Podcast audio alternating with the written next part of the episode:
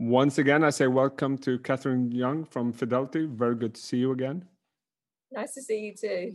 So let's start with the things that changed the markets a bit. The more hawkish uh, signals from Fed uh, markets in Asia, including China, turned lower. And you said before this, it's been like a little bit crazy after that. Why?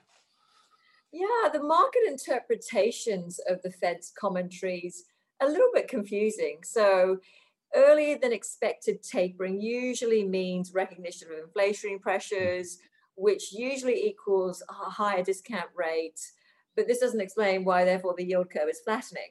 Hmm. Or if we're in the situation where the market's interpreting the commentary as potentially a policy mistake, so premature tightening, tapering, usually equals medium term growth on the downside, hmm. then the market should therefore be in a risk off mode. Defensive should outperform, versus growth names.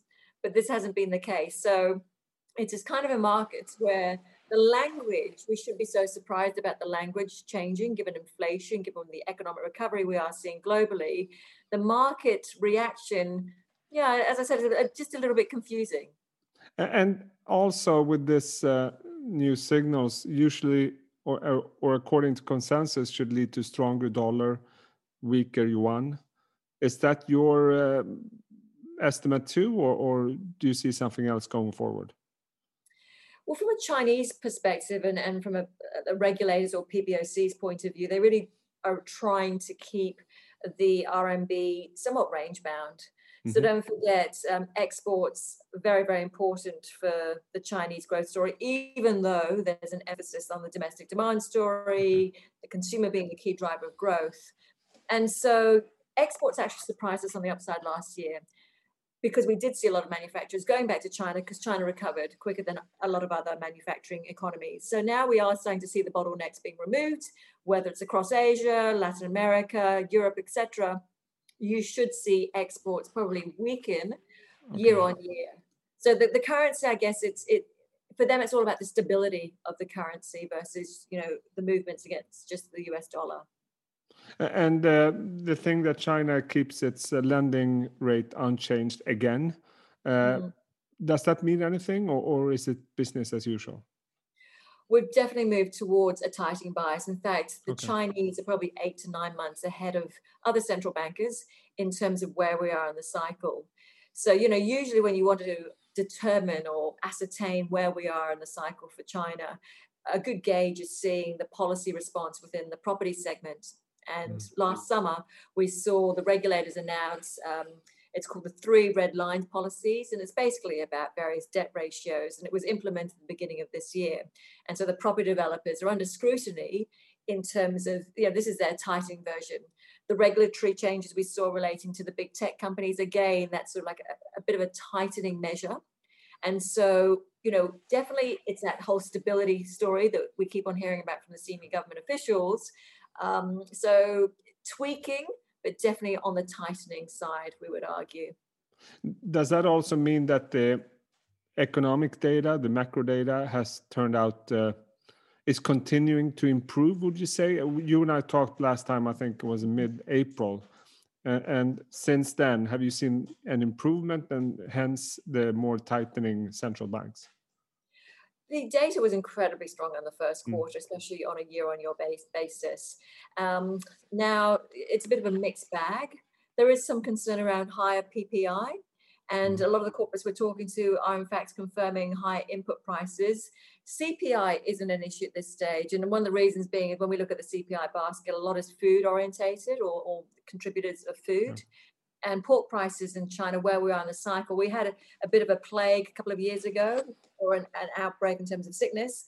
So we're now seeing all the young pigs actually being, you know, ready to be slaughtered for the pork, etc. So pork prices are, are capped, so to speak. So food prices are under control. The savings rate is still 37%, so higher than what we've seen over the past few years. So again, it's just ensuring that that sentiment remains relatively strong, both from the consumer's perspective as well as from a business perspective. And and you said uh, earlier that the market was a bit crazy, and you see some flows that really doesn't compute with, with the data coming out. But if you look at the inflows to sectors and and uh, markets and so forth where do you see the money going now is it still the sector rotation or do you see more going to tech or growth well with some of the tech names coming off in terms of their multiples we've seen some positive inflows mm. there the rotation that we were seeing so that growth rotation towards value it initially was the cyclical value names outperformed and then sort of like the mid-stage value names in terms of categories of bar- yeah. categories of value names or baskets it became sort of the financials um, energy related names and then usually the last part of the value sort of area to outperform is small cap value as well as traditional value such as utilities and telecommunications so we're probably in that mid stage still uh, important though to probably just have this barbell approach ensuring that you have good diversification across all sectors. But really, what's key is the companies that do have that pricing power in the environment we are in. So, so what do you say about the current valuations of the markets? China's still looking from a, a global perspective, um, you know, very attractive valuation wise. Um, and again, across the market, you see it's, it's a little bit bipolar still, still some very, mm. very rich valuations and multiples in biotech, for example, very cheap multiples in other areas, probably the old economy or value sectors, even though the names are delivering on earnings. But in general, the earnings are coming through now, which is a positive. And again, it's just sort of these short term sort of people are looking for these catalysts to drive the next range or the next sort of market direction. And that's probably why we're in this phase at the moment in terms of the latest hawkish data coming out of, of, of the US. And uh, finally, Catherine, uh, summer is here. Um, and what would you say is the most important thing to keep our eye on in the coming two to three months to, to uh, interpret where the market will go? Inflation. So inflation is the number one risk, and we're probably in the phase where the market and the Fed actually uh, is trying to gain more evidence to see whether inflation is indeed transitory mm. or more permanent. And what's really interesting is in the environment we are in.